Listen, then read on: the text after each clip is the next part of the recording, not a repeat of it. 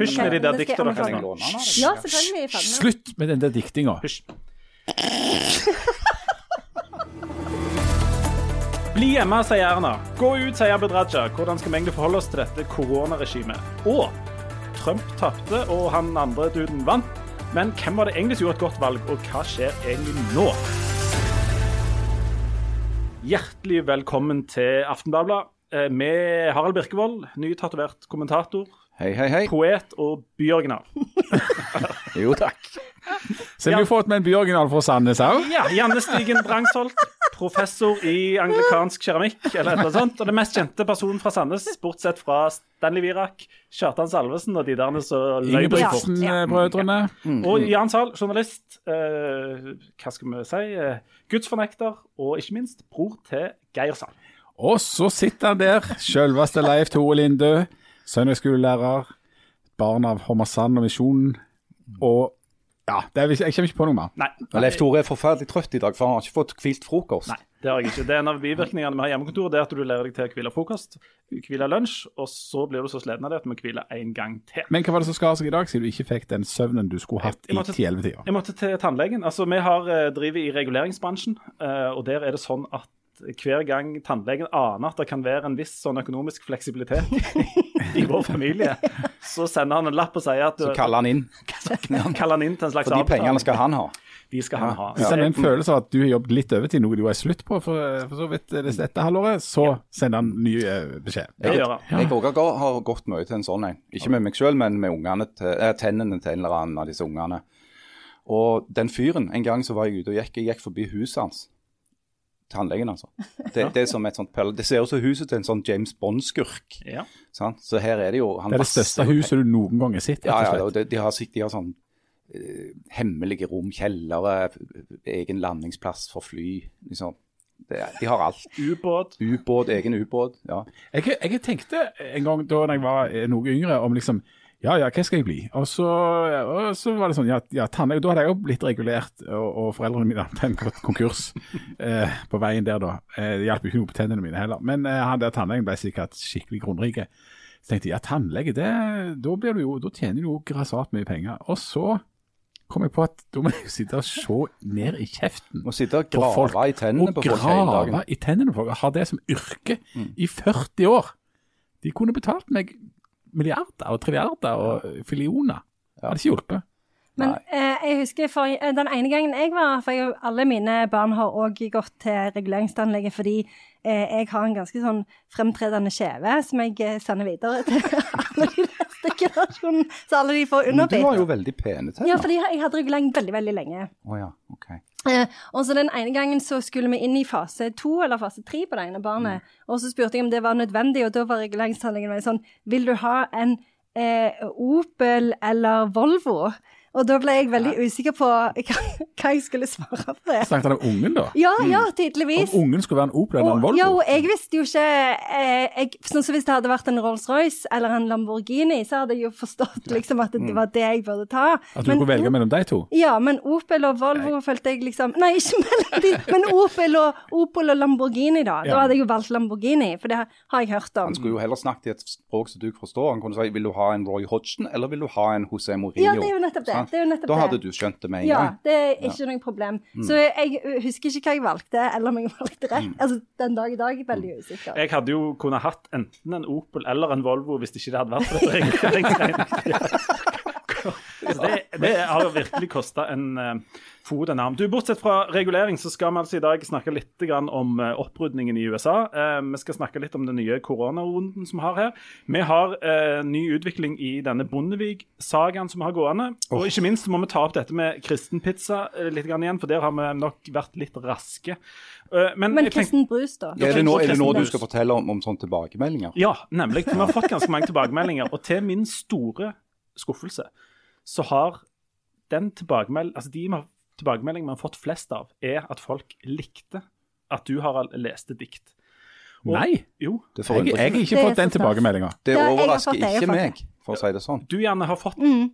og jeg òg har fått. Og jeg tenkte jeg, jeg, Når du leste dette, så tenkte jeg jeg ville heller hørt en drill som kylte seg i ei kjøkkenvifte enn å ha hørt mer på det der. Dette må vi aldri gjøre igjen. Nå fikk jeg veldig vondt i øynene. Ja, det var et veldig vondt bilde. Ja. Det er så stygt sagt. Tåler du ikke sannheten? Det er ikke sannheten. Så, Det var jo kjempefint. Ja, det var jo nesten var jo på grining, kjempe... Jeg var faktisk Hun griner jo for ingenting. Ja, det Det er er sant. så Men det er, men der er, altså, der er altså folk der ute som har likt dette. Så da, og, og vi er jo eh, til her for å please publikum, så det kommer Snakk for til, deg sjøl. ja, men det kommer til å komme mer eh, dikt. Hvor mange diktsamlinger har jeg med i dag? Ja, hvor mange dikt har du med? Tre. Tre samlinger. Nei, samlinger. Ikke dikt bare, men Ja. mange dikt i tre samlinger. Så vi, hold, eh, følg med oss eh, til slutt, så skal du få høre Harald eh, lese eh, dikt. Men ikke skru av helt ennå. Ikke gjør det. Eh, Fy søren, altså. og hvis Men du heller vil motgangen gjør meg bare sterkere. Hvis du, heller, hvis du heller vil høre en drill som kyler seg i ei kjøkkenvifte, så skal vi, skal vi se om vi kan muligens få den lyden òg. Men eh, vi begynner litt med litt sånn uh, current events her. Um, er, når dette valget i USA ble over, som vi skal snakke litt mer om etterpå, så uh, fikk vi endelig tid til å konsentrere oss om koronaen skikkelig igjen. Uh, og det er jo en eh, Det virker som om det blir en vanskeligere og vanskeligere øvelse. For nå har vi altså um, en statsminister som sier hold dere hjemme, gjør minst mulig. Samtidig som vi f.eks. har en kulturminister som sier at vi skal gå på ting. Eh, Jan, og du har jo klart å øse deg lite grann oppover dette. Ja, det skal jo ikke så mye til. Nei. Nei og og faktisk såpass at jeg sitter og koker på en kommentar som jeg skal skrive til Det avisen. Så såpass, ja. nå, nå bare jeg truer med det. Så, så langt jeg går og skriver en kronikk. Uh, ja, det er jo litt komplisert å drive og manøvrere i alt dette her nå. Uh, og, og det handler om kulturliv, og det handler også for så vidt om uteliv, og det handler om mye slags liv rundt i Norge. Fordi at um, regjeringa har jo da gått ifra den der totale nedstengninga i, i eh, vår, som jo var tydelig nok, da stenger du ned et samfunn, og, og alt er stengt. Og så gikk det ikke så veldig lenge før de kom med noen eh, penger, noen midler, og sa at de skulle kompensere for både det ene og det andre. Det betyr jo ikke at folk får fullt ut betalt for alt, hvis du ikke da iallfall ikke heter Kurt Nilsen.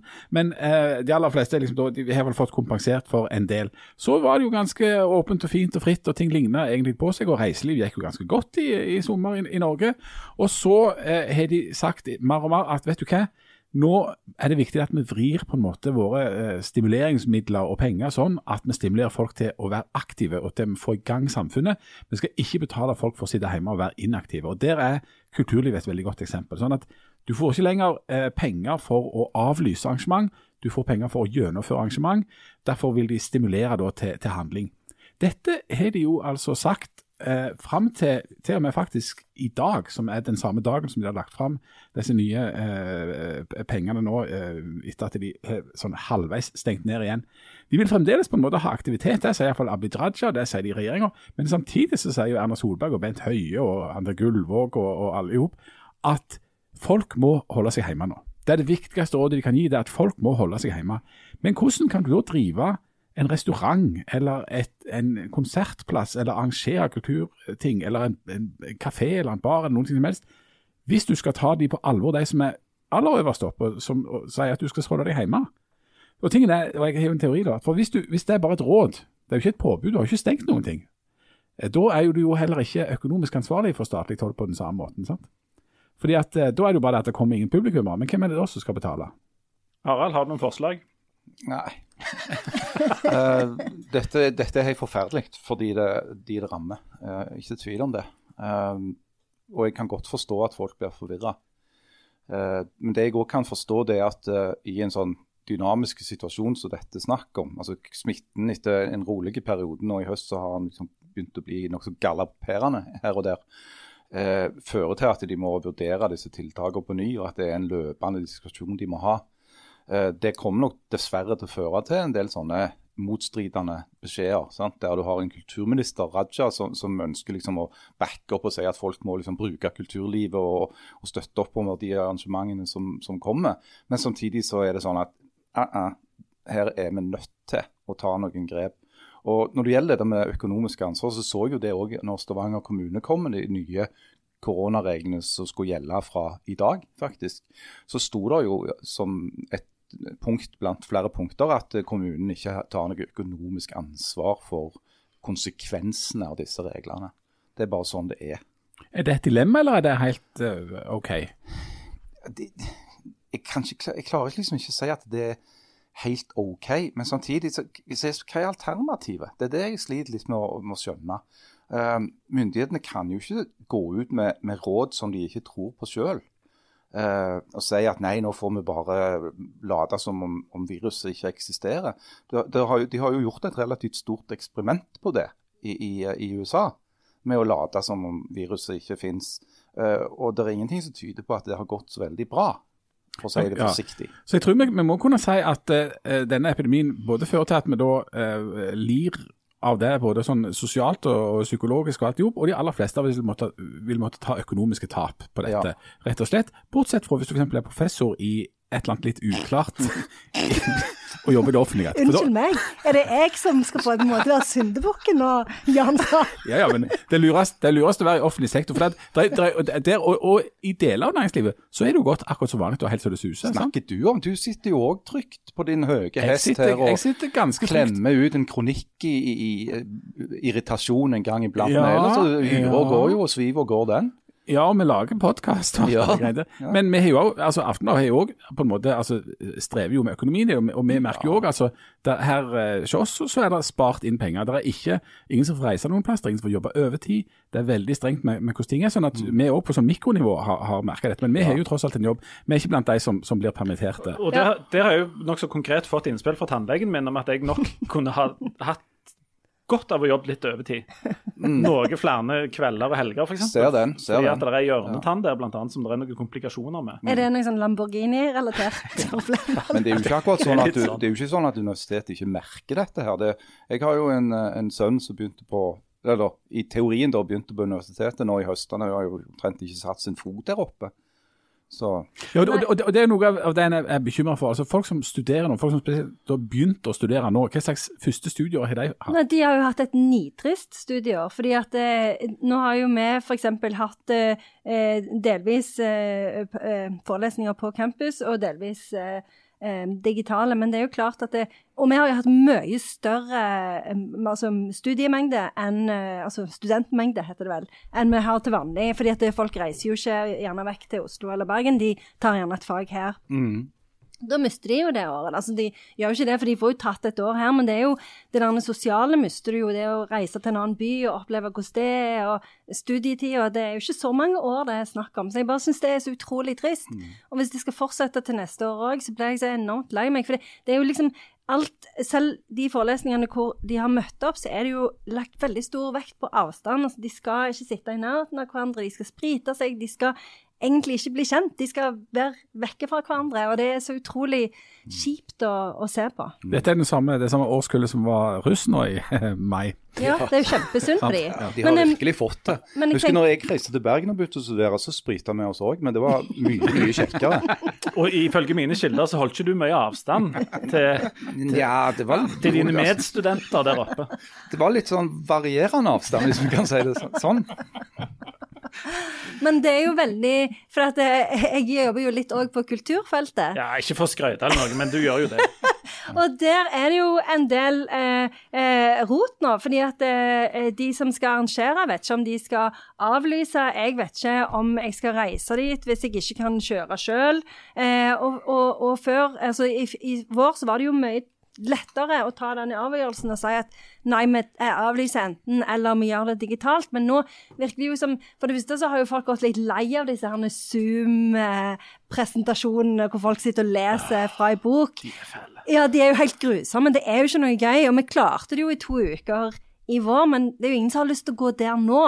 Eh, og for det andre så er det jo eh, sånn at eh, i vår så fikk han jo kanskje kompensasjon når en avlyste, men nå gjør han altså det er jo sånn som du sa, mm. Jan, nå gjør han jo ikke det. Så det er mye vanskeligere både for eh, sender og mottaker. Ja, vanskelig å planlegge. sant? Ja, for det, de, de aller fleste arrangementer, om det er kulturlivet eller noe annet, bruker tid på å planlegge det. Mm. Du, du, kan ikke bare eh, sette opp et arrangement i neste uke. Eh, uansett hva du skal arrangere, om det er i bedriften eller om det er i kulturlivet eller hvor som helst. Mm.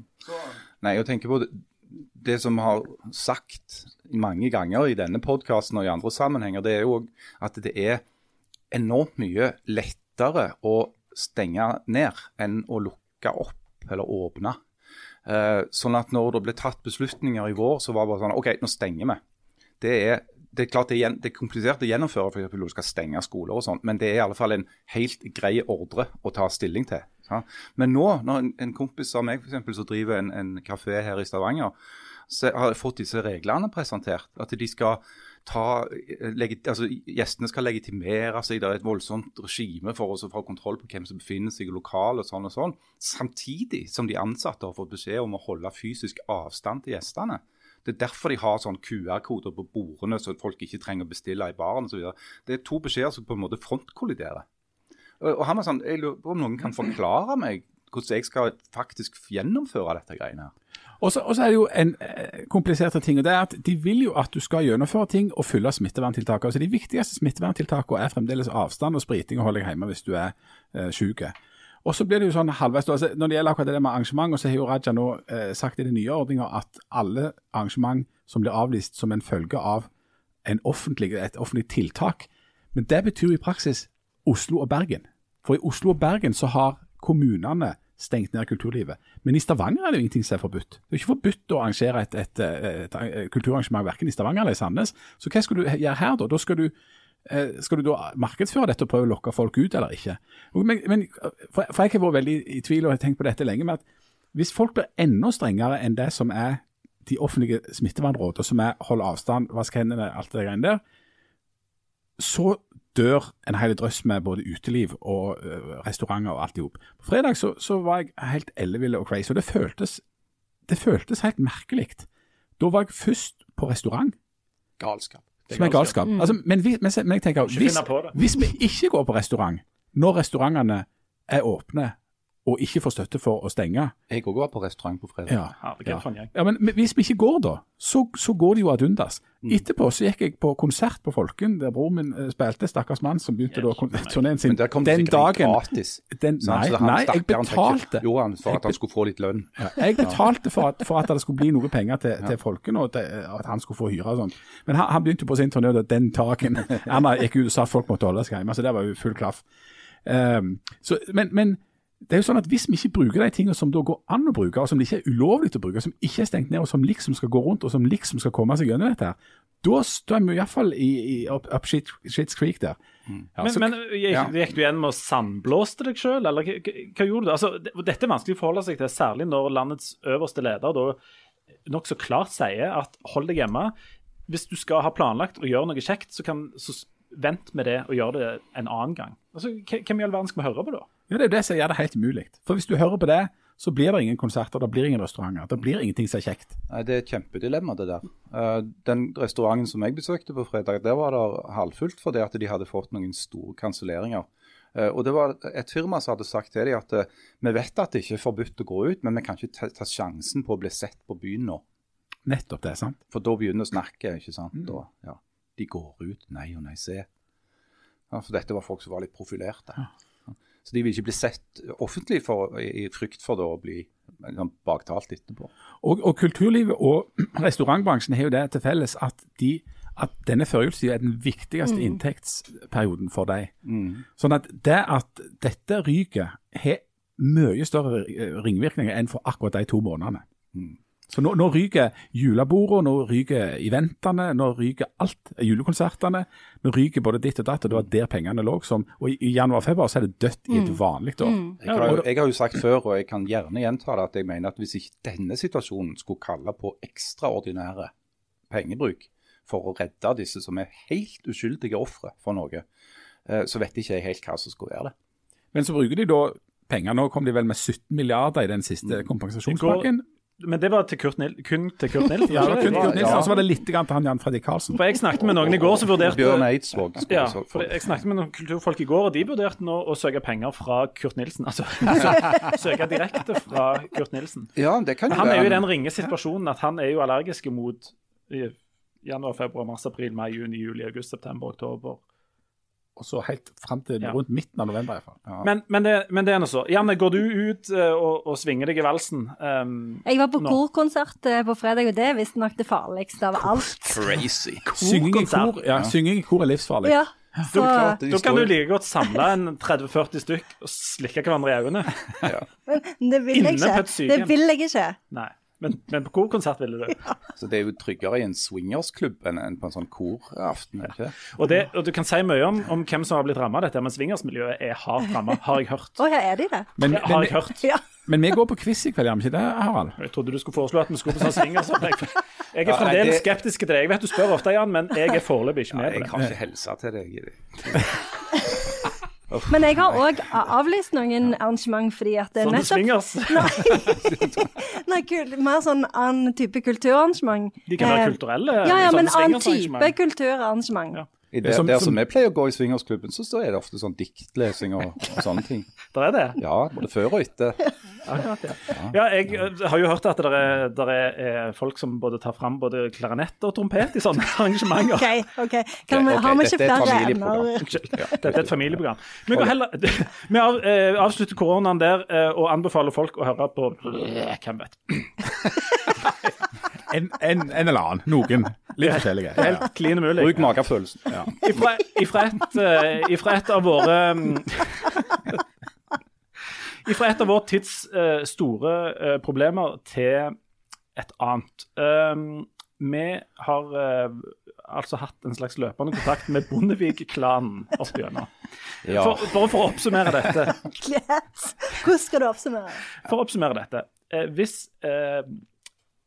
partiet Sentrum kommer inn på Stortinget, så må Harald Birkevold tatovere sønn til Kjell Magne Bondevik, Bondevik på låret sitt. Samtidig som vi får da servert pizza av sønnen til Kjell Magne Bondevik Bondevik, som heter Jon Harald Bondevik. Etter at han har sykla ifra hvor enn han er bosatt på Østlandet og Nei, hit. men her, dette er jo ikke samtidig. Dette er jo enten-eller, er det ikke det? Nei, Nei. det er jo det som er, ja, svakheten. Det er det som er svakheten med dette Svakheten med Å, ja. ja. Eller styrken. Okay. Eller styrken. Ja. For Hvis Men- de ikke kommer inn på Stortinget, så skjer det ingenting. Å ja, da skjer det ingenting. Men, og her har det vært to utviklinger. Den ene er at vi har eh, nok en gang fått eh, en eh, e-post fra Jon Harald Bondevik, eller han som nå er mer kjent som sønnen til Kjell Magne Bondevik Bondevik. Eh, og er det, det, du som får disse? det er jeg som får disse. Um, Jeg er blitt venn med han på Facebook. Ja, men jeg har ingen kontakt med noen, tydeligvis. men i- i Hvorfor har du det? Nei, nei, absolutt I ikke. siste episode så for Han skal da lage pizza til oss hvis han kommer inn på Stortinget. Og Sist runde var vi nok litt raske på å definere dette som en veldig kristen pizza, og antyde at det ble en sånn langpannevariant med, Med ananas og det Og hele. mais. Og Og mais. mais. Ja, ja. Uh, og dette har, har da sønnen til Kjell Magne Bondevik Bondevik reagert på Sterkt. Sterkt. Ja, i den grad ja, Så sterkt som jeg tror han kan reagere. Eh, jeg skal lese den e-posten han har sendt. Av frykt for både dere og lytterne skal bli lei, hadde jeg tenkt å legge bånd på meg selv nå. Og Derfor skal jeg også greie å la, være- la Hambus-saken være. Hør forrige episode. Trass i at jeg har mye på hjertet om det. Men pizzasaken kan jeg ikke la ligge. Altså, å tilby dere en langpannepizza med tykk bunn, ananas og ost på toppen!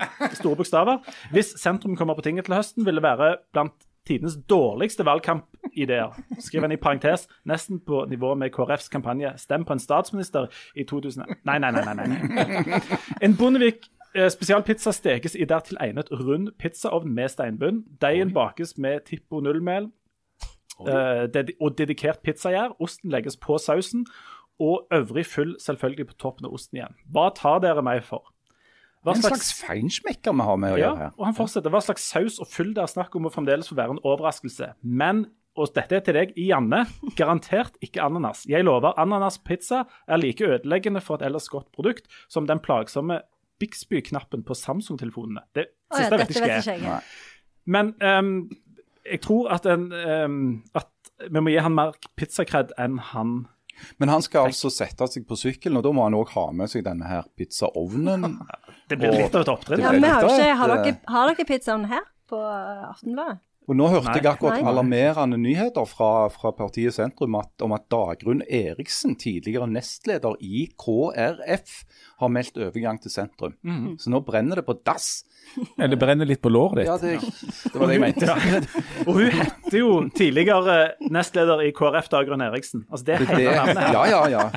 Eh, og hvis du hører på Dagrun Eriksen, så har Harald to lår. Hvis du er interessert i flere veddemål, så er det altså et ledig lår. Det kom helt feil ut. Men du skjønner hva jeg mener. Hør de tidligere episodene. Men og, og ikke nok med det. Ikke nok med det, for det, nå kommer selve rosinen i pølsa. Nemlig. Hva skjedde tidligere i går, i dag eller i går, Harald?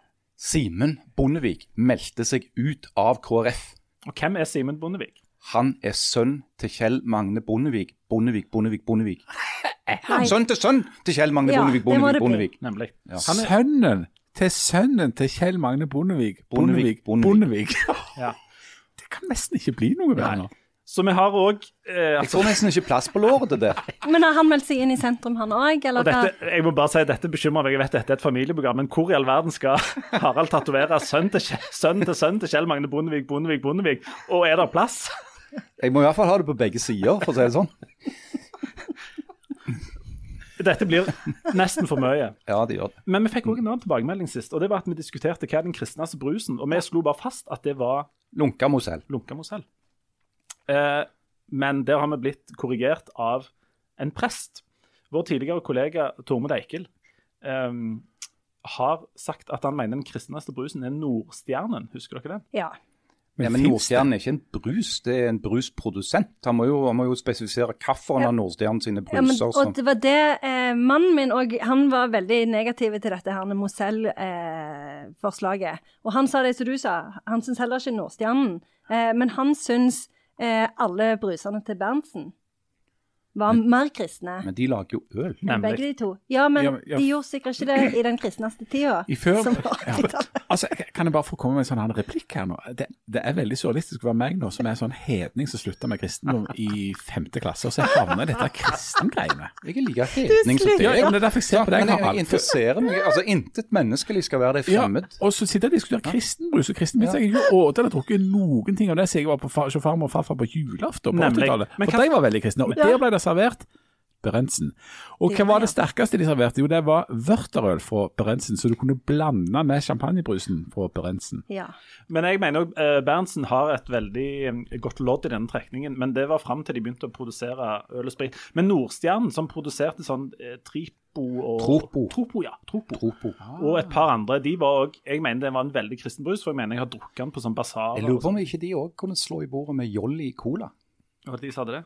Tror det. Det trodde jeg var. Berentsen. Var det Berentsen, det? Jeg tror det. Ifølge mannen min, da, som har vandra veldig mye i kristne miljøer opp igjennom, så står det og faller med hva slags brus de hadde på Brulandsenteret på 80-tallet. Det gjør det. Ja. Men det er jo ikke bare på Brulandsenteret. Det var veldig mye valfarting til Brulandsenteret Blant blant kristne? i Det var. Rogaland. For det var sånn timestilbud. Mm. Så du kunne Ja, kjøpe det en hel fortalte du om en annen gang i en Ja. podkast med de som kjørte rundt, ja. Å ja, ja, det var mye ti- timestilbud. Eh, Harald og Jan, dere skal vi ikke ha noen stor diskusjon om hvem av dere som er minst kristne, men hva, hva er den minst kristne brusen? Bare for å ha Ja. Det er vel, eh, eh, det er vel sånn spedbarnsblod. Ja. Spedbarnsblod og Mozell. Ja. Så hvis du rister det, så får du deg en skikkelig Tequila Sunrise. Ja, det må jo være det. Nei, det er altså, Nei, for altså- altså, Helt sånn vi- vanlig cola fra, fra glassflaske. Nei, jeg står fast på at det, det er spedbarnsblod. Hvis du ser f.eks. bort i USA, hvis du ser hva de drikker der, så er det altså Joe Biden og Hillary Clinton og Barack er Obama, alle de folka der, de er, er jo eh, satanister, eh, og så er de i tillegg eh, pedofile, og de ofrer spedbarn, og så drikker de blodet. Nede i en pizzabula ute i Brooklyn, eller eh, hvor det var, New Jersey. Hvor- var det- var det ikke i Washington? Det var Washington, det var i Der ute, der drikker de, holder de på. Og han skal liksom bli president. Nei, det skal han ikke. Nei, det skal eller han skal han ikke. det? Altså, han skal ikke det. Harald, du, du meldte jo hvem som ble den amerikanske presidenten på en måte et halvår uh, før uh, det egentlig var lov. Jeg meldte dette på torsdag, uh, og så tok det av en eller annen grunn CNN og Fox eh, nesten to døgn før de innså at jeg hadde rett. Ja. Men sånn er det veldig ofte å være meg. Ja. CNN og Fox de kommer springende lenge etter deg. Stadig vekk. Ja, men okay. altså, alle som hadde eh, på en måte klart å se på tallene, så, så jo hva vei det der kom til å gå. Men er vi nå sikre på at det blir som det blir? Ja, ja eh, men spørsmålet er jo om det har gått opp fra han, han med spraytan, da. eh, hvordan, det, hvordan det gikk dette her. For det at Jeg må jo si at altså, mye, altså jeg hadde jo gleda meg, eller sett veldig fram til, at Trump skulle tape dette valget. For det at jeg syns at han ikke er en spesielt bra fyr. Eh, men så hadde jeg òg grua meg litt, for det det lå på en måte i korta at han kom til å, å gjøre det han, han gjorde. Han hadde jo òg, i og med at Trump Du kan si mye om Trump, men han er ikke spesielt subtile. Han hadde jo, han jo varsla denne reaksjonen i god tid. Sant? At han ville godta valget hvis han vant, og, og nekte å godta det hvis han tapte. Eh, helt påregnelig. Eh, men så er det sånn at jeg får sånne glimt av glede òg. Og jeg tror nok det aller største glimt av glede det kom da når eh, hans personlige advokat Rudy Giuliani skulle ha pressekonferanse i Philadelphia. Og denne ble varsla i god tid at den skulle finne sted på Four Seasons. Eh, Til og med president Trump tvitra det. Og Four Seasons, for de som ikke vet det, er et sånn en kjede av luksushoteller som har ja, hoteller over hele uh, verden, faktisk. Eh, og alle antok jo med, med god grunn at det var der dette skulle skje. Eh, så viser det seg da at noen, usikkert hvem, da har blingsa litt og bestilt da eh, plass hos eh, Four Seasons Total Landscaping. Et relativt obskurt eh, landskapsarkitektfirma. Hageservice eh, i utkanten, i et industriområde, et slags forus i utkanten av Philadelphia, rett ved siden av motorveien. Og hvem var nabobutikkene til dette? Nei, og det, det er jo da Altså, Jeg skulle så gjerne ønske at jeg hadde vært han som var på jobb for The Philadelphia Inquirer den dagen. Og fått, lov å skrive den ingressen. ikke sant?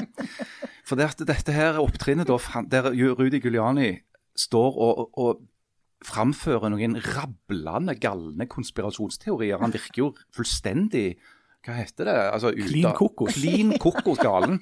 Så skjer dette da ut forbi et landskapsarkitektfirma mellom et begravelsesbyrå og en pornobutikk. Men du, jeg mener at jeg leste Det faktisk at er, det, det er, du, You can't make this shit up. Nei, you can't make this shit up. Men jeg mener faktisk å ha lest en annen plass at det ikke var ubevisst blant de som bestilte. For problemet i Philadelphia når de skulle finne en plass å ha pressekonferanse, var at de fant ingen plass, for det var så enormt mange glade demokrater som sprang rundt i gatene. Så de overdøyvde alle forsøk på å ha pressekonferanse med sånn glad musikk og skriking og juling og sånt. Så de måtte finne en sånn litt sånn bortgjemte plass der det ikke var noen. Der kunne de ha den pressekonferansen. Ja, for nå har nå- jo alle de tatt tilbake den YMCA-sangen. Ja, nå ja. hører- danser jo folk til den overalt. Men, men, nå ble det veldig mye glede her. Jeg vil jo, som en som har, har gått med en uh, total eh, sånn spenning i kroppen og vondt i magen nå i fire år Det er ingen grunn til optimisme. Nå må vi ha litt darkness her. Altså, En ting er at han eh, oransje eh, ikke aksepterer dette her. Det som virkelig skremmer meg, og det som altså, det skremmer meg det som var innom sist gang, at han står og holder sånne taler da etter at eh, det burde vært klart at han taper, der han påstår at han vinner, og påstår at eh, valget er rigga og at det har blitt stjålet fra han. Altså Han sår enorme tvil om valgresultatet, om institusjonen, eh, demokratiske valg og alt det greiene der, og oppildner folk. Det du skulle trodd da, det var jo at det var noen voksne i det republikanske partiet ellers som greip inn og sa vet du hva, nå er det nok, nå er du på vei ut, og så at han hadde blitt isolert. Men så har altså det motsatte skjedd. De eneste som har gratulert Biden med seieren, og som har sagt at sånn er det, det er folk som er på vei ut. Det er has-beens, det er eller, eller folk som er, står litt sånn på sida. Altså Mitt Romney fra Utah, som er en senator som, som, er, som er utenfor, på en måte. Det er Bush Bush Ja, så er det gamle, gamle Bush. Ja, ja, sant, Den sånn eneste, ja. eneste nålevende eks-republikanske presidenten. Mens sjefen i Senatet, Mitch McConnell, som kommer til altså å være mest sannsynlig den som skal lede eh, flertallet i Senatet, som Biden skal måtte samarbeide med, han stiller fremdeles opp bak Trump. Ja. Og det lover så uendelig dårlig for tida som kommer. Ja, de gjør det. Men samtidig kan du jo forstå at republikanerne, eh, både som parti og som enkeltmedlemmer i Kongressen, er ganske sånn oppesen etter dette valget. For det at bak alt viraken om striden mellom Trump og Biden, som Trump tapte, så har republikanerne gjort et sabla godt valg. De har etter alt å dømme klart å holde på flertallet i Senatet, selv om det skal være et omvalg i, i Georgia. Eh, De har, har ikke tapt noen særlig av eh, kampene når det gjelder medlemmer i Representantenes hus. De har vunnet fire det- representanter Ja, og de har gjort det veldig bra på delstatsnivå. Eh, og det, faktisk òg så har altså Trump fått 11 millioner flere stemmer i år enn han gjorde for fire år siden. Det er et meget godt valg. Eh, hvis det ikke hadde vært for at Biden gjorde et enda bedre valg, fordi at Trump tross alt er så motbydelig at han har mobilisert en masse motstemmer, så hadde Trump vunnet dette valget klart. Men det betyr at er det da, er det da trumpismen, altså den retningen av eh, republik, det republikanske partiet, som da er styrka, og som kommer til å bli eh, det som, som går framover. Fordi at det mange har håpet på og drømt om og tenkt på, det var at når Trump er ute, så vil, så vil på en måte det republikanske partiet måtte gå i seg selv. Og så Ja, vil det sånn måtte komme ja, mer tilbake til et eller annet mer gjenkjennelig og, og mindre Det, det gode gamle med aktiv utenrikspolitikk og skatteletter for de rikeste. Ja. Og så, Nei, eh, det som, som kommer til å skje nå, det er jo at Trump fortsatt vil være en maktfaktor. eh, med denne enorme basen sin eh, og de enorme følgertallene han har på sosiale medier, med sin organisasjon i ryggen. Eh, nå har han to sønner, en datter og en svigersønn, som alle har fire års erfaring fra å drive med renkespill i Det hvite hus og rundt Det hvite hus. De kommer til å fortsette. Og Trump vil nok òg, når han på en måte har den verste irritasjonen over å ha tapt valget, har gitt seg, eh, være veldig glad i den rollen som en sånn, det de kaller på engelsk en sånn kingmaker. Sånn, der han kan være den som spiller en rolle i kulissene og bestemmer hvem som får lov å gjøre karriere og ikke. Det betyr at vi ikke er kvitt Trump helt ennå. Nei, og jeg så jo òg at, eh, at uh, Nå fikk jeg så vondt i magen igjen. Begynner du å grine, Janne? Mm. Uh. Lin- Lindsey Graham, ikke sant? Uh, so, Lindsey Graham, Ja. senator, uh, som utgangspunktet var veldig kritiske til Trump, har jo eh, skifta mening eh, fullstendig, og nå er blitt han, en av hans lojale klakører. Han har jo allerede vært ute på Fox and Friends og andre steder og oppfordra Trump til å eh, stille til valg igjen om fire år. Fordi at eh, det går jo an. Det, det er åtte år til sammen. Så hvis du har tapt en gang, så kan du teoretisk sett stille på ny. Det er jo klart at det er jo ikke noen grunn til at de skulle gå vekk fra det, sånn som du sier. Når de ser at det fungerer, det republikanske partiet, så, så er det jo et insentiv til å fortsette eh, på den samme måten. Og det er jo mange andre, det er jo mange andre som, som er aktuelle kandidater til å ta over, som, som har lignende strategier som Trump. Jeg, jeg tror at det partiet som blir nødt til å forandre seg nå, det er det demokratiske. Fordi at det demokratiske partiet har på magisk vis, vil jeg nesten si, altså nesten ufattelig vis klart å miste grepet om de velgerne de pleide å ha et veldig godt grep om. Nemlig såkalte blue collar workers, altså folk som har vanlige jobber, eh, middels til lav inntektsfamilier. Eh, de er ikke lenger oppfatta som et parti som taler disse velgerne sin sak. Eh, partiet har i altfor stor grad blitt en, et parti for de urbane, liberale elitene. Eh, og jeg, det er ikke nok eh, sånne velgere i USA til at det kan skape et stabilt flertall for et demokratisk parti. De må komme opp med en, en form for oppskrift på hvordan de skal løse de grunnleggende problemene som USA har. For de er enorme.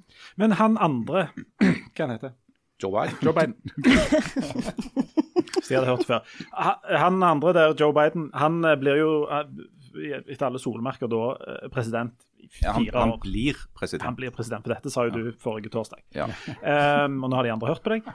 Uh, hva slags president blir han? For det, det er jo ikke Jonas Gahr Støre eller han der Audun Lysbakken de har valgt til president her. Hva, er, hva kan vi si om, om han andre, Joe Altså, Biden? Joe Biden er en uh, 77, snart 78 år gammel eh, mann som har vært medlem i Kongressen siden 1972. Han ble valgt inn som senator. Eh, han har altså enormt lang politisk erfaring. Eh, de fleste husker vel òg at han også var visepresident i USA i åtte år under Barack Obama. Eh, sånn at dette er jo en fyr med enormt lang erfaring fra å være med å styre USA. Eh, det er òg et av problemene. I tillegg til at han da er relativt gammel, må man kunne si, så er han et Altså, han er en del av den politiske eliten som mange amerikanske velgere har sagt at de er relativt lei av. Han har òg kanskje det vanskeligste utgangspunktet som noen eh, amerikansk president har hatt for jobben sin siden ja, Vi må vel kanskje tilbake til den store depresjonen på slutten av, av eh, 20-tallet. Eh, fordi at han i tillegg til å arve eh, koronapandemien og den eh, økonomiske krisen òg arver et fullstendig splitta land. Eh, med enormt mye som må repareres òg når det gjelder amerikanske forholdet til utenverdenen. Men hva er det han vil, hva er det han vil gjøre for noe? Men, ja, nå skal, men nå skal jeg bare gå litt sånn out of character og prøve å si noe optimistisk her. Jeg, Aha, mener at, um, jeg mener at den lange erfaringa og Joe Biden sin bakgrunn kan være en fordel i den situasjonen. Fordi han har så lang erfaring, så mange tiårs erfaring i å jobbe i Washington. Han kjenner alt det der spillet. Han har lang erfaring i å jobbe på tvers av partiene. Å få til samarbeid på tvers av partiet. Så hvis det var noen som skulle klare å manøvrere den der eh, situasjonen i Washington, så måtte det være han. Men han har nok en vel så stor utfordring fra venstre i partiet. da, for det at Eh, der vil en jo ha voldsomme reformer både av det ene og det andre. Alt ifra altså The Green New Deal, som handler om, om, klimapolitikk, som kommer til å være en viktig sak for han, men neppe vil gå så langt som, som de mest eh, det er lengst ut på venstresiden, for det vil han ikke få med seg Senatet på. Um, ville sikkert, en ville sikkert hatt um, reformer på f.eks. i, i Høyesterett, altså stappe en fodle av uh, liberale dommere. Det, kommer de ikke ha sjanse til å gjøre. Eh, innenfor den økonomiske politikken er det press fra Venstre om å gå mye mer radikalt til verks. Han kommer ikke til å ha sjanse for å få det gjennom i Senatet. Eh, så, altså, han skal håndtere en hel drøss med ting, men, men, hvis det er noe akkurat Joe Biden er vant med, så er det jo akkurat å håndtere uh, ulike interesser og, og, være en sånn pragmatisk politiker. Og så at han er en sånn type, da, sånn, sånn, sånn bestefaraktige utstrakt hånd. Han insisterer jo, på tross av hvordan disse republikanerne oppfører seg, så insisterer han på at nå skal jeg være president for alle. Det er ikke røde og blå stater, det er The United States. Også, men det er klart, det, blir, det har han jo ikke sjanse til hvis han da skal bli obstruert i fire år av Mitch McConnell. Men, men, ja. men det sier jo sitt da, når, når, Biden blir valgt, og så går han på talerstolen uh, og så sier han noen helt, sånn, helt normale og fullstendig uh, ukontroversielle ting. Så jubler folk fordi at uh, kontrasten er så store til den oransje mannen. at han rett og slett bare oppfører seg som et nokså normalt menneske og sier sånne helt greie ting, som at han skulle være president for alle. Så folk sånn Fantastisk. Men det, akkurat det minner jo litt om de tilbakemeldingene vi har fått på det diktlesningsgreiene dine, som jo var helt middels, og jeg vil si under pari, men folk ble så overraska at de syntes det var fint. Dummeste jeg har hørt. Det. Nei, jeg mener, ja, jeg mener det. Det er hvis du for eksempel, hvis, du, hvis, hvis du må velge mellom si jordskjelv eller at en, du tar en drill inn i kjøkkenvifta di Hvorfor snakker du hele tida om denne her drillen i kjøkkenvifta? Ikke bruk det bildet. den assosiasjonen Du, eh, vi, vi, er nødt til å runde av. Janne, du må først anbefale noe, og så Jeg anbefaler jo folk å skru av nå, for Harald kommer til å lese dikt. Men uh, få med dere Janne sin anbefaling. Det er sikkert ei kjedelig bok eller et eller annet dritt. Ja, det er faktisk ei, ei bok. Eh, nei. Eh, jeg anbefaler Er det bilder i den? Nå må nei, dere holde opp. Dere skal liksom representere kulturen. Kulturavdelingen i denne. Hvis dere oppfører dere som to sånne fotballhooligans Si nå i hvert fall at boka er på norsk. Tin, Nei, den er ikke oversatt ennå, for den er veldig, veldig ny. Og eh, Den eh, heter eh, den er skrevet av ei som heter Susanna Clark, som har skrevet ei bok før som heter 'Jonathan Strange and Mr. Norell'. Og den som, er så bra. Den er så bra! Og den kom for ti år siden. Og i den boka der Virker som hun skriver veldig seint. Ja, hun gjør det. Og nå skal jeg fortelle hvorfor. For den boka der den handler liksom om en sånn en periode når magien fremdeles fant dette som en sånn en hverdagslig ting i verden. Og så skrev hun ganske mye om alvor, og alle vet jo at det skal du jo aldri gjøre, for alvor er dritsure. Så dette, da fikk jo hun en slags sykdom etter det som har gjort at det har tatt ut ti år å skrive bok nummer to. Men nå har den endelig kommet. Hun ble ganna på en måte av ja, alvene? Ja, faktisk. Hun ja. ble det. For jeg leste sånn intervju med henne i New Yorker Magazine. Nei, ikke New Yorker Magazine. New Yorker, bare. Men, eh, og der sto det om det. Og nå har hun skrevet en ny bok som heter 'Piranesi'. Og den er bare så sykt bra. Den handler om en sånn en fyr som bor i en labyrint. Nå skriver hun om fauner. Ja, hun skriver om fauner, men hun skriver bare om statuer av fauner. Fordi ja. hun har jo ja, lært av sine feil. Men kan de òg ganne folk? Ja, ikke hvis de bare er statuer. Men oh, nei, sånn, ja. han fyren han er litt gammel fordi at han er eh, bor i et sånn et, en slags labyrint. da. Ja. Eh, og så er det en som han treffer der som han kaller the other. Den andre, men han vet ikke liksom, hvem han sjøl er, han vet ikke hvem han andre er. Og hele tida må han drive og fange fisk sånn at han ikke skal sulte, for det er et hav nede i første etasje. Ja, ja, så den anbefaler jeg alle å Harald har allerede sagt at han vil låne den av meg for å lese den. Men, Harald. Men du, låner den nå? Ja, du, du låner den Si en gang til, si en gang til hva ja, heter. Ja, Den heter Piranesi. Ja. Og er skrevet av Susanna Clark. Ja. Akkurat. Ingen bilder, og på engelsk der, altså. ja, men ganske kort, da. Det er et fint bilde på første side, da. Ja. Og nå har jeg lånt den. Ja. Nå har jeg lånt den. Og du kan òg få låne den Jan etterpå hvis du vil. Jeg tror thanks, but no thanks. TV-serien kommer. Men nå, altså over til viktigere ting. Ja, altså, her skal jo skje ting. Ja, for dette, nå skal vi vel gå over til dikt... Det er jo du som er programleder, oh, yeah. lektor, så du kan jo si det. Ja. Jeg er òg programleder. Ja, kan ikke du si det, Jan? Jeg orker ikke å forholdet meg til det. Er du som styrer lyden? Er det du som styrer lyden? Ja, du sitter bort med lyden, nå. så lag noe lyd nå. Nå eh, skal vi over til diktspalten. Skal du ikke snakke sånn telemarksnynorsk? Det, det er Harald Birkevold som leser egne dikt. Nei, vet du hva? Det er jo ikke egne dikt. Nei, det er jo det som er problemet. Det er jo bare noe sånn er useriøst. symfoniorkesteret spiller bare covermusikk. Veldig originalt. Det er helt Men useriøst, vet du hva, jeg overlater det Okay, okay, Jeg overlater det ok. til dere. Gjør det Fordi at denne uka så er det jo um, Så markerer vi jo at første verdenskrig er over. Den er slutt, jeg slutta 11. i 11. klokka 11 minutter over 11. Mm. Eh, og da er det jo en, en viktig ting å tenke på. Og i morgen så skal jeg ha forelesning om eh, eh, poetene fra første verdenskrig. Så da tenkte jeg at det var som seg hører bør at Harald leser et dikt av Wilfred Owen, som jo var eh, Første verdenskrig. Det er veldig interessant med det. Veldig interessant Det, det er den første krigen hvor han faktisk fikk dikt fra soldater, fra folk som var med i krigen før. Så plutselig så får han ikke sånn noen dikt som er sånn eh, eh, hyller døden som noe magisk og flott, men som heller skriver om hvor enormt kjipt det er å være i skyttergravene. Og der har vi Wilfred Owen som et av de beste, beste eksemplene. Jeg mener jeg husker dette fra engelsk grunnfag, da leste vi det. Og vi leser det ennå på engelsk grunnfag. Nei, ikke, jeg tenkte ikke at vi skulle lese. Det er Dolce Edicorum decorum est, oh, ja, okay. som eh, vi leste på grunnfag. Men det som jeg tenkte at Harald skulle lese, det er et dikt som heter 'Gutten og våpnene'. Og det er oversatt av Arne Ruste. Da tror jeg at vi sier Gå og legg oss. Går og legger oss. ja, men Nå, nå går jeg hjem, og så får dere bare ta det herfra. Uh, nå skal Men Harald Birkevold vi vet ikke hvordan vi skal skru av den der lyden. Okay. Ja. Men nå skal Harald Birkevold krype tett inntil mikrofonen. Og så um, går jeg hjem og finner drill og kjøkkenvifte. Så får vi se hva som er finest. Harald Birkevold, vær så god. Ha det godt. Snakkes neste uke. Gutten og våpnene. La gutten føle bajonettens blad, hvor kaldt stål er og oppspilt av sult på blod. Blått av alt skadefryd som en galningskjør og fint tegnet av hunger etter kjøtt. La ham stryke stumpe, blinde børseløp som higer etter å nafse i ungt blod, eller gi ham patronen hvis fine tenner av sink er skarpe som skarpheten til lød og sorg.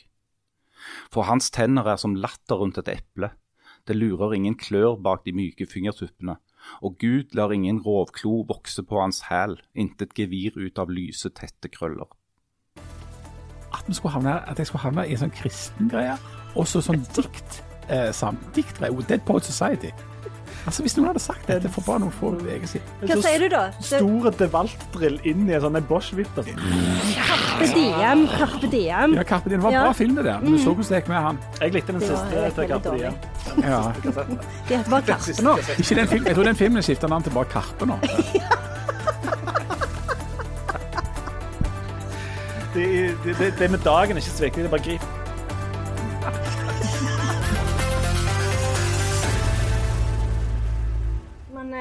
eh, eh, Det driter vi i. men ja, jeg, jeg visste ikke hvor mange dikt dere ville ha. Så få som mulig. Se her. Herlighet. Jeg har med ei bok til som jeg tenkte jeg skulle anbefale. Bare bøker. Bare drit i de der såkalte kulturfolkene. Jeg har med denne. Stol på meg, du. Den er her. Og så har Ja. jeg eh,